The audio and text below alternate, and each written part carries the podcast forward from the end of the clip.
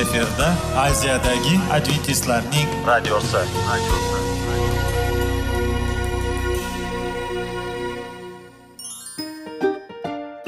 Assalomu alaykum aziz radio tinglovchilar.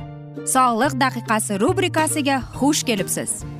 Zero tananing sog'lom bo'lishi va uning kasalliklardan saqlash har bir insonning burchi hisoblanadi. Inson uchun bebaho boylik bu sog'liq salomatlikdir. Uni asrash esa har birimizga omonat qilib berilgan. Shuning uchun ham inson o'z sog'lig'ini ehtiyot qilishi va ajib amallardan hisoblanadi. Dono xalqimiz sog'liq tuman boylik deb bejiz aytmagan. Aql idroq sohibi bo'lgan inson o'z hayotini qadrlashi lozim bo'ladi. Hozirgi kunda qanchalik dori darmonlar ko'paymasin tibbiy muassa sifati shifokorlar vasiyasi tibbiy texnika yaxshilanmasin. Agar insonning o'z salomatligi haqida qayg'urmasa kutilgan natijaga erishib bo'lmaydi va biz sizlarga bizning dasturimizga xush kelibsiz deymiz.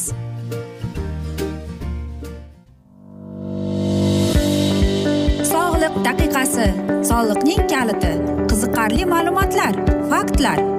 Har kuni siz uchun foydali maslahatlar. Sog'liq daqiqasi rubrikasi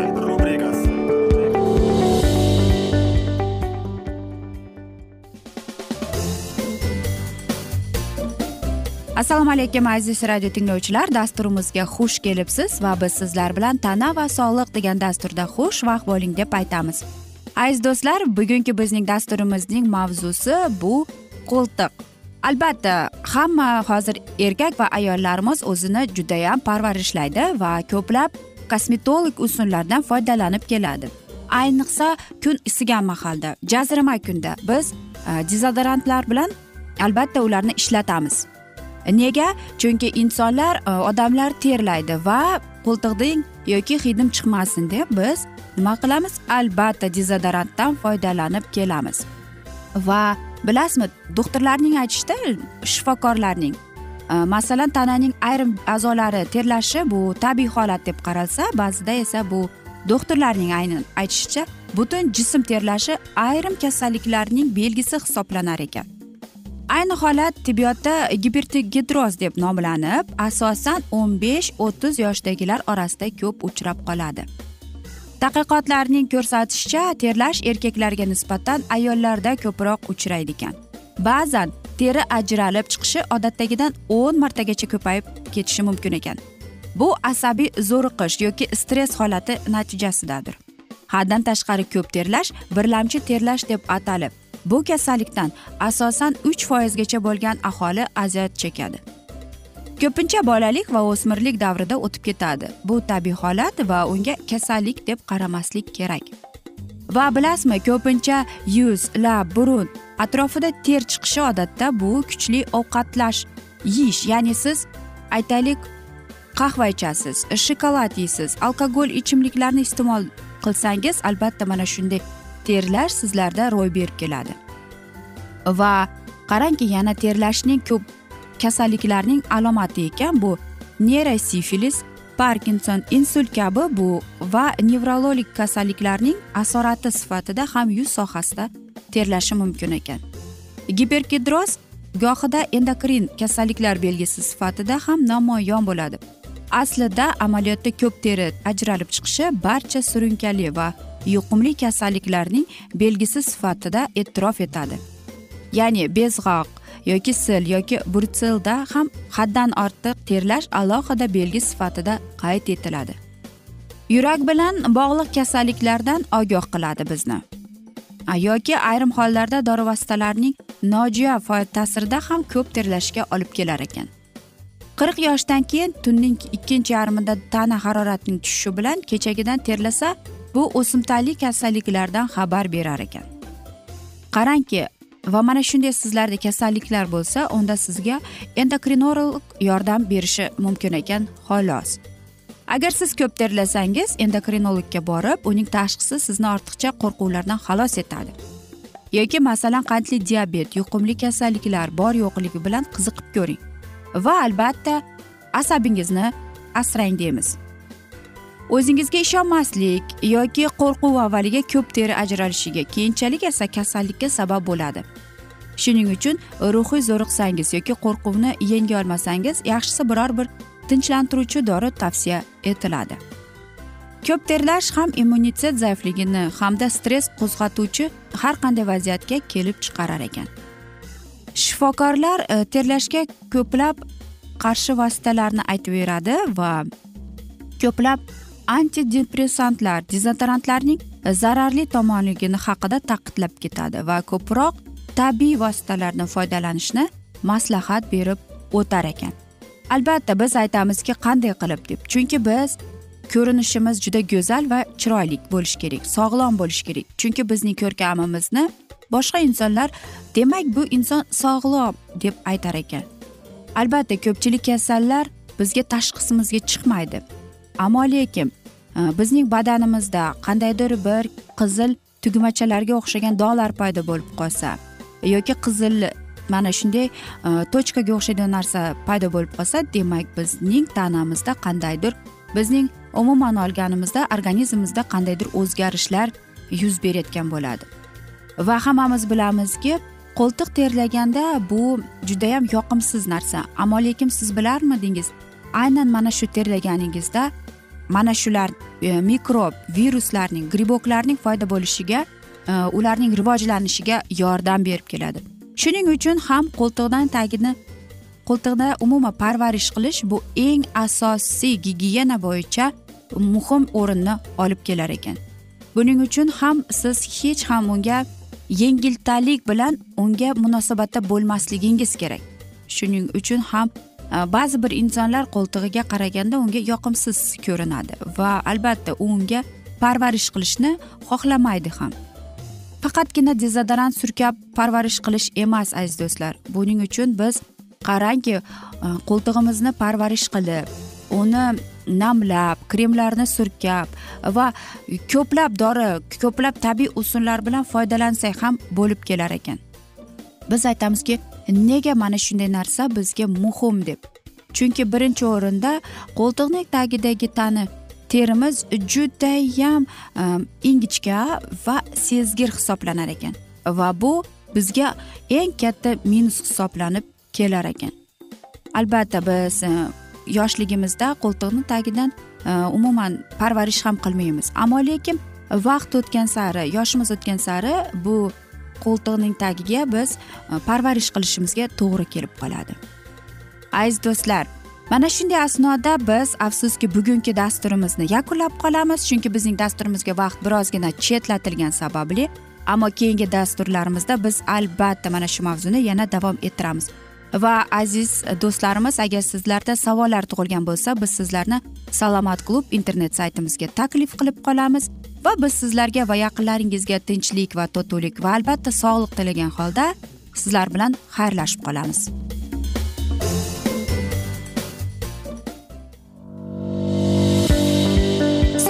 Daqiqasi soliqning kaliti qiziqarli ma'lumotlar faktlar.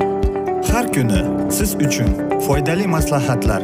Sog'liq daqiqasi rubrikasi.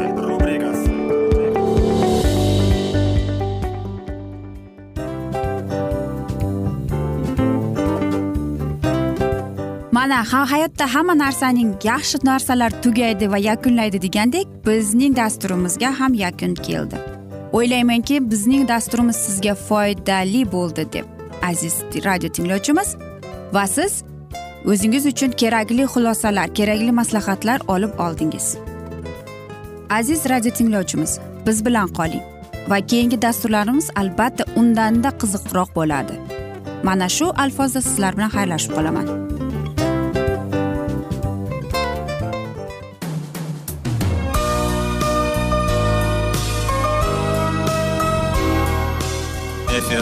Aziyadagi adventistlarning radiosi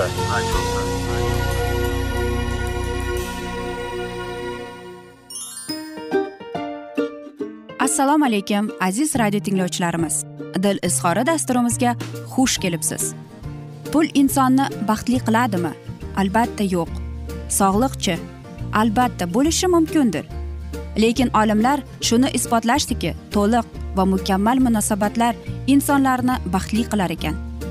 Albatta biz hayot davomida biz yaqin insonlar bilan odamlar bilan aloqada bo'lamiz va ular bilan munosabatlarimiz qanday kechadi qanday tuziladi? Yigit va qiz er va xotin ota ona va farzandlar va yaqin insonlar bilan. Balkim hozirgi vaqtda kimnidir hayoti yoki munosabatlari buzilyapti. Va bizning dasturlarimiz ularga yordam bo'ladi deb.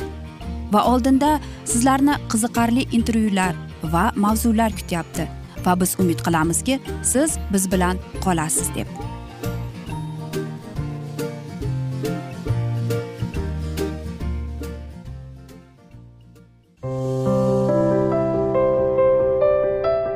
Har kuni har xil kasbdagi odamlar bilan sirlashish va bo'lishish sevgi rashq munosabat. Bularni hammasi dil izhori rubrikasida.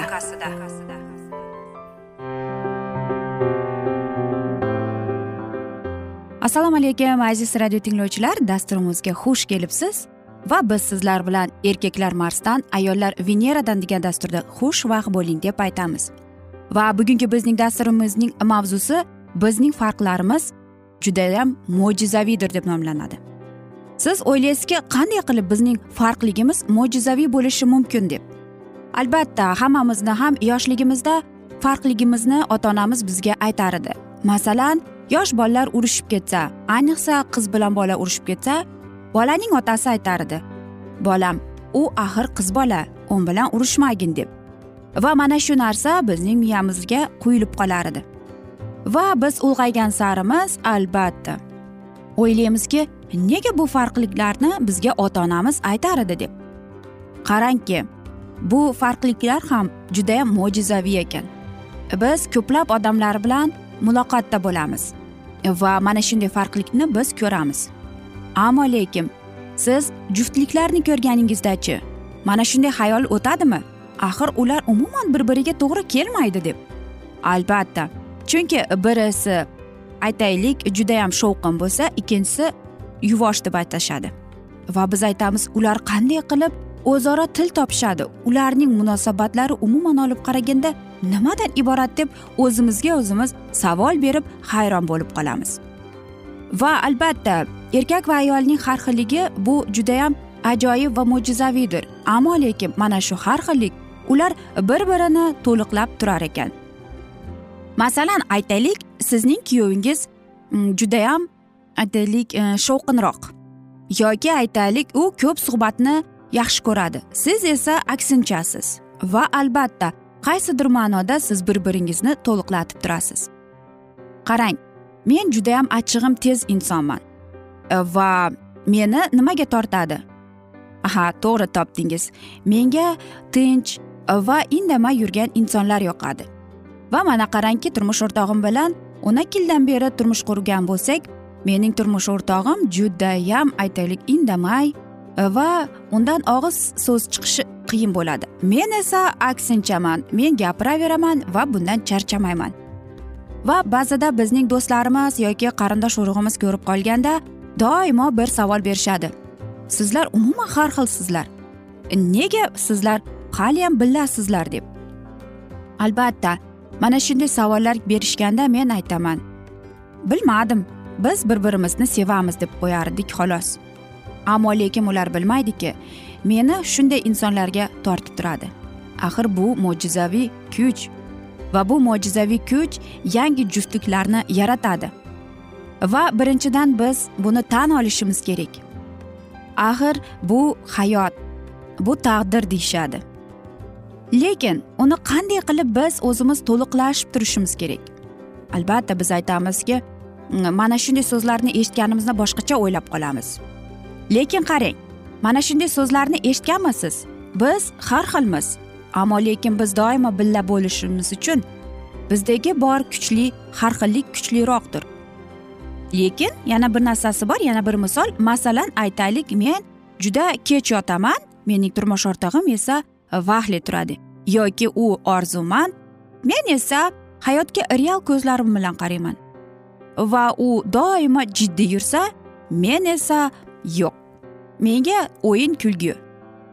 Va hamma aytadi qanday qilib biz bilamiz hozirgador deb ammo lekin biz turmush o'rtog'imiz bilan bir to'lqindamiz. Va bilasizmi men o'ylaymanki har bir inson shunday so'zni eshitgan. Ba'zida men uni sevaman ba'zida esa nafratlanaman deb. Mana shunday so'zlarni eshitgansiz deb umid qilamanki mana masalan men uni sevmayman. Bu degani men uni sevmayman emas ya'ni hozirgi vaqtda sevmayman emas yo'q. Yuragimning tub tubida bilamanki men uni sevaman va biz doimo birga bo'lamiz deb. Yoki qarangki bizning muammolarimiz har xil. Ammo lekin bizni nima birlashtiradi? Biz mana shu muammolarni birga yechamiz deb. Biz bir birimizga yordam berishga o'rganib qoldik. Bir birimiz bilan gaplashamiz so'zlashamiz bizni qiynayotgan narsalar bilan bo'lishamiz bir birimiz bilan. Ha albatta mukammal juftlikning o'zi yo'q lekin so'zlashuv aytish va bo'lishish oilaviy hayotning eng baxtli usulidir. Yoki masalan hayotning turmush qurganimizga ikki yil davrida ikkinchi biz judayam chiroyli va go'zal yashab kelganmiz. Ammo lekin bora bora deb bizning sevgimiz o'ta keta boshladi deb. Va romantika qatgadir yo'q bo'ldi. Ertalab uyg'onib men tushunamanki biz umuman boshqa boshqa insonlarmiz. Bizning o'rtamizda unchalik umumiylik yo'q deb. Va men depressiya va umidsizlikka tushib qoldim deb. Va mana shu yerda mana shunday so'zlarni eshitganimizda aytamizki ularning xatosi ular bir biri bilan gaplashmagani deb. Chunki bir biringiz bilan o'zingizni hislaringiz muammolaringiz bilan bo'lishganingizdagina siz bir juftlik bo'lib qolasiz. Va siz o'sha insonni yaxshi o'rganasiz yaxshi tanishasiz. Va bu sizga bir biringizni sevishga yordam beradi. Ha albatta men o'z turmush o'rtog'imni u qanday bo'lmasin shundayligicha qabul qildim va uni sevib qoldim. Va uni o'zgartirishga intilmadim ham. Har bir misolda masalan bundagi sevgini ko'ramiz minnatdorchilikni ko'ramiz tushunishni ko'ramiz. Faqatgina sevgi o'z niyatiga yetadi. Aziz do'stlar mana shunday asnoda biz afsuski bugungi dasturimizni yakunlab qolamiz chunki bizning dasturimizga vaqt birozgina chetlatilgani sababli. Ammo lekin keyingi dasturlarda albatta mana shu mavzuni yana o'qib eshittiramiz. Va biz umid qilamizki siz bizni tark etmaysiz deb chunki oldinda bundanda qiziq bundanda foydali dasturlar kutib kelmoqda. Aziz do'stlar biz sizlarga va oilalaringizga tinchlik totuvlik va albatta yuzingizdan tabassum hech ham ayrimasin deb seving seviling deb xayrlashib qolamiz.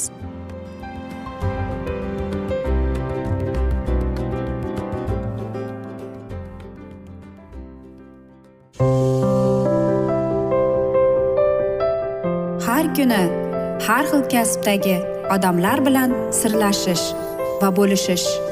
Sevgi rashq munosabat bularni hammasi dil izhori rubrikasida. Mana aziz radio tinglovchimiz bizning go'zal va foydali va chiroyli dasturimiz yakunlanib bormoqda. Sizlarga birozgina maslahat berib o'tmoqchi edik. Bir biringizni seving qadringizga yeting va erkalang albatta bir biringizni va sizga judayam chiroyli va mustahkam munosabatlar tilab qolamiz albatta. Sevgilingiz doimo yoningizda bo'lsin. Mana shu borada sizlar bilan xayrlashib qolamiz. Xayr.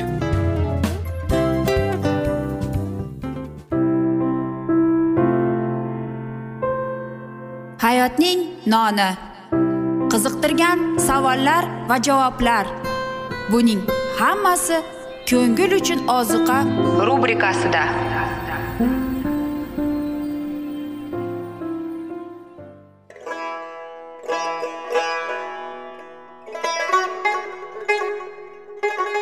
Assalomu alaykum aziz radio tinglovchilarimiz. Ko'ngil uchun oziqa rubrikasida xush kelibsiz deymiz. Siz haqiqatni izlayapsizmi? Olamnimi? Umidnimi? Siz kimga murojaat qilmoqchisiz? Odamlar ko'pincha siyosat kuchiga tayanadilar. Dunyo iqtisodiyoti holati tobora chuqurlashib bormoqda. Tabiiy ofatlar va texnogen halokatlar minglab insonlarning hayotini olib ketib juda katta zarar yetkazmoqda. Sizga abadiy hayot inomini hadya qiluvchi va hayotingizni tubdan o'zgartiruvchi haqiqatni izlab toping. Xudo haqidagi haqiqat uning kalomida mujassamlashgan. Kimki bu haqiqatni butun qalbi bilan izlasa albatta unga yetishadi. Bu sevgi xudoning tarixidir. Hayotingizda yoki sizning yon atrofingizdagi olamda nimalar yuz berishidan qat'iy nazar? Siz ertagi kunga buyuk umid va ishonch hosil qilishingiz mumkin. Hozirda xudo sizga taklif qilayotgan umid ishonchga o'z qalbingizni oching va sizni qiziqtirayotgan mavzularni savollaringizga javoblaringizni topib olasiz deb umid qilamiz. Biz bilan qoling.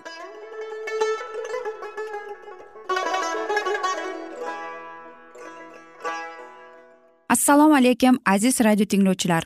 Dasturimizga xush kelibsiz. Va biz sizlar bilan ulug' kurash degan kitobni o'qib eshittirishni boshlagan edik. Va bugungi bizning dasturimizning mavzusi global diniy uyg'onish deb nomlanadi. Bashoratlar haqidagi uning fikrlari. Vurtenberg yurtida shuningdek germaniyaning turli burchaklarida ham qaysidir ma'noda yaqdillik bilan qabul qilindi. Bu harakat uning o'limidan so'ng ham o'sib bordi va masihning ikkinchi bor kelishi haqidagi xabarni germaniya ham boshqa davlatlar singari bir vaqtida eshitishga muyassar bo'ldi. Ko'plab imonlilar rossiyada katta katta koloniyalarni barpo etib o'sha yerga ko'chib o'tdilar. Hozirgi vaqtga qadar bu mamlakatda masihning olamga ikkinchi bor kelishi haqidagi vaz aytilmoqda. Xushxabar nuri fransiyada ham shvetsariyada ham yarqiradi. Farel va kalvin islohot g'oyalarini keng targ'ib qilishgan. Jenevada gausen masihning tez orada kelishi haqidagi xabarni tarqatdi. Hali talabalik paytidayoq gausen o'n sakkizinchi asrning oxiri o'n yettinchi asrning boshlarida butun yevropada hukm surgan ratsionalizm tafakkurni hissiy tajribadan ajratib qo'yadigan va aqlni bilishning birdan bir manbai deb hisoblaydigan falsafiy oqimga duch keldi. Hattoki diniy rutbani qabul qilganda ham u nafaqat haqiqiy e'tiqod haqida hech nimani bilmadi. Balki skeptizm. Obyektiv haqiqatni dunyoni bilish mumkinligiga shubha bilan qarovchi idealistik falsafiy oqimga moyilligi bor edi. Yoshligida u bashoratlarga juda qiziquvchan bo'lgan. Rolanning qadimiy tarix asarini o'qib chiqib gausen o'z e'tiborini doniyor kitobining ikkinchi bobiga qaratdi. Tarixiy yozuvlarda aks etgan bashoratlarning naqadar aniqlik bilan amalga oshganidan u nihoyatda hayratda qoldi. Bu esa bitikning xudo ruhiga to'lqinganlarning isboti bo'ldi. Bunday nuqtai nazar kemaning langari singari kelajakda hayotning xavf xatarga to'la umonida g'arq bo'lishidan uni ushlab qoldi. Ratsionalistnik ta'limotlaridan u hech qanday qoniqish his qilmadi. Faqatgina muqaddas kitobni o'qib o'rganishi yanada kuchliroq nurga muntazam ravishda intilish tufayli gausen bir va qancha vaqt o'tgach haqiqiy amaliy e'tiqodga kirib keladi. Bashoratlarni davom ettirib rabbiyning olamga qaytishi yaqin degan xulosaga keldi. Buyuk haqiqatning ulug'vorligi va muhimligidan hayratlangan gausen bu haqiqatni boshqa odamlarga yetkazishni xohladi. Biroq doniyor bashoratlarning jumboqli ekanligiga va ularni anglash qiyinligiga bo'lgan umumiy ishonch uning yo'liga katta g'ov bo'ldi. Va nihoyat u fareldan ibrat olib keyinchalik ota onalarni ham qiziqtirish maqsadida xizmatni bolalar bilan ishlashdan boshladi.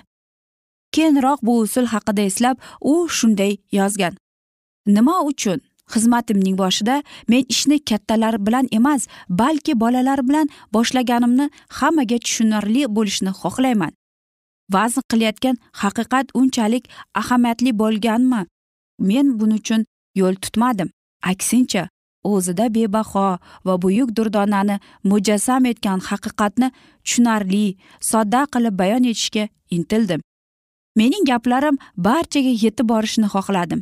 Biroq ishni bir yo'la kattalardan boshlasam ko'zlagan maqsadga erisha olmasligim mumkinligidan xavotirlandim. Shuning uchun eng kichik tinglovchilarga murojaat etishga qaror qildim. Men bolalarni to'pladim va shunday fikr yuritdim. Agar guruhdagi bolalar mening ko'z o'ngimda o'sib ulg'aysalar ular nima haqida gap borayotganini tushunib tinglagan va o'qiganlarini qiziqib qabul qilsalar demak men shunga o'xshash. Yana boshqa guruhni ya'ni kattalar guruhini to'plashga umid qilsam bo'ladi. Tinglovchilar esa o'z navbatida o'tirib bu mavzuda yaxshilab o'ylab ko'rishi kerakligiga ishonch hosil qiladilar. Agar aytib o'tganlarimizning hammasi amalga oshsa demak ish oldinga qarab harakat qildi. Gausen kutilgan natijalarga erishdi. Kichkinalarga murojaat qilib u kattalarni ham qiziqtira oldi. Uning jamoati e'tiborli tinglovchilarga to'lib toshdi. Ularning orasida ko'plab obro' e'tiborli insonlarni buyuk olimlarni jenevaga kelgan chet ellik mehmonlarni uchratish mumkin edi. Shunday qilib masihning olamga ikkinchi bor kelishi haqidagi xabar boshqa o'lkalarda ham keng tarqaldi. Muvaffaqiyatdan ruhlangan gausen bashorat kitoblari borasida o'tkazilgan tadqiqotlar vas va ibodatlar fransuz tilida o'tkazilayotgan e, jamoatlarni qiziqtirib qolishi mumkin degan maqsadda o'z ma'zuralarini chop ettirardi. Bolalar uchun pand nasihatlarni chop ettirar ekanman deb yozgan edi gausen aslida men o'z diqqat e'tiborimni kattalarga qaratishga intilardim chunki aynan katta yoshdagi o'quvchilar kitoblarni tushunish qiyinligi ularda ochib berilgan bashoratlarni aql bovar etmasligini ro'qach qilib ana shunday mazmundagi kitoblarni nazarga ilmasdilar. Nimaga aql bovar qilmaydi? Axir ularning ma'nosi yosh bolalar ham tushunadiku. Men o'zimning kelishimni mana shu bashoratlar orqali tanishtirishni juda xohlardim deydi. Bashoratlar menga nihoyatda qo'l keldi. Aziz do'stlar mana shunday asnoda biz afsuski bugungi dasturimizni yakunlab qolamiz chunki bizning dasturimizga vaqt birozgina chetlatilgani sababli. Ammo lekin sizlarda savollar tug'ilgan bo'lsa biz sizlarni adventis tochka ru saytimizga taklif qilib qolamiz. Va aziz do'stlar biz umid qilamizki siz bizni tark etmaysiz deb. Va sizlarga va yaqinlaringizga o'zingizni ehtiyot qiling deb xayrlashib qolamiz.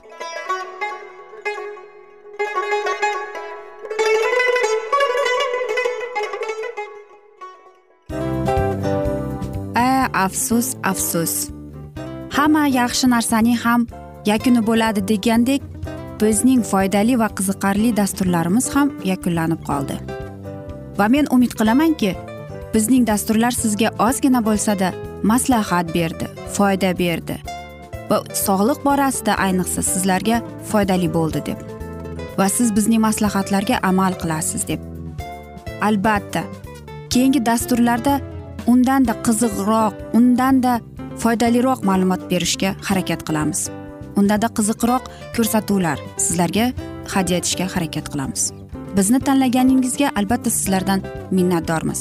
Sizlarga baxt omad va sog'liq tilab qolgan holda mana shu alfozda sizlar bilan xayrlashib qolamiz. O'zingizni ehtiyot qiling sog' bo'ling omad sizga xayr.